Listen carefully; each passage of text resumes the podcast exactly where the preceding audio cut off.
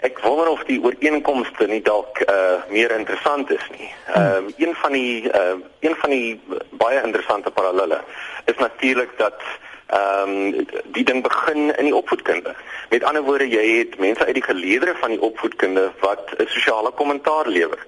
En dit is 'n geweldige kragtige ding wanneer jy jong mense hoor hulle menings uitspreek oor wat wat op die oomblik in die land aangaan.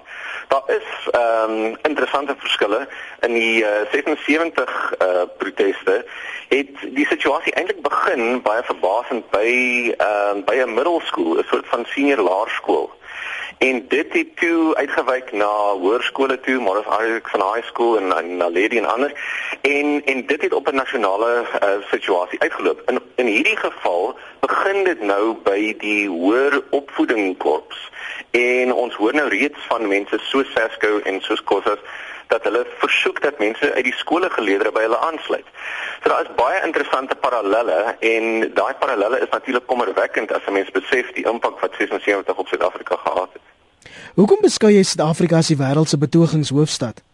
Dit is nie eintlik my mening nie, daar is goeie navorsing om dit te ondersteun. Uh, een van die maatstawwe is eenvoudig dat uh, ons kan kyk na hoeveel proteste vind plaas in Suid-Afrika. Nou daar is 'n gemiddeld oor die laaste 2-3 jaar of so van omtrent 30 proteste in die land elke dag. Nou en mens as as jy mens na hierdie makropatroon kyk, dan moet jy besef maar hier dit is dit is onnatuurlik. Ons is die enigste land op aarde wat dit doen. En dit moet vir jou sê dat daar is iets hier wat aan die gang is. Dis 'n dis 'n feit wat die SAIK reeds self erken het, maar iets wat hulle toe onmiddellik daarna nog glad nie meer na verwys nie, want dit is natuurlik slegte nuus uh, vir die regering. Maar hierdie is 'n onnatuurlike situasie en die studente is op die oomblik besig om dit aan ons almal baie duidelik te maak. In 'n sekere sin moet ons ons almal ons uh, ons gesigte wegsteek in skaamte want die studente is besig om vir ons te demonstreer wat eintlik hier aangaan. So jy reken die studente te punt beet. Hulle het definitief 'n punt beet. Uh, die natuurlik kan ons debatteer die wyse waarop hulle dit doen en natuurlik wetteloosheid is altyd onaanvaarbaar. Maar die universiteitswese, die universiteitsomgewing uh, is eintlik tradisionele omgewing van intellektuele debat, van intellektuele vryheid en van openlike uitdrukking van jou menings. En wanneer 'n mens dan studente sien wat hulle menings uitdruk op 'n baie oop manier en dan ehm um, in sekere instellings deur polisie ehm um, gewelddadig hanteer word, dan het dan het 'n mens 'n groot vrees oor die toekoms van intellektuele debat. Ehm um, want universiteite is 'n tipe safe space, 'n veilige ruimte waar mense wel hulle menings kan uitdruk. Natuurlik moet dit wees op 'n respekvolle manier, op 'n nederige manier en ek dink dit is waar die studente dalk hulle self 'n bietjie in die voet skiet. Die minister van hoër onderwys en opleiding Dr. Blyden Zimandi was self op sy dae 'n struggle ikoon. Ons het nou gehoor ANC veteraan professor Ben Theorak het duidelik nie veel ooghare vir hom nie. Is jy tevrede met Dr. Zimandi se hantering van die krisis op universiteite?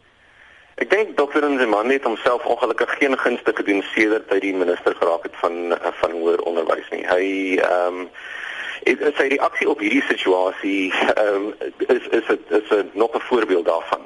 Om terug te kom na studente toe met 'n uh, met 'n indikasie van 'n persentasie. Dit dit ondermyn heeltemal die emosionele frustrasie wat wat studente ervaar. Ehm um, dit is 'n soort van 'n kliniese intellektuele reaksie om te sê maar goed, nou nie 10% nie, maar 6%.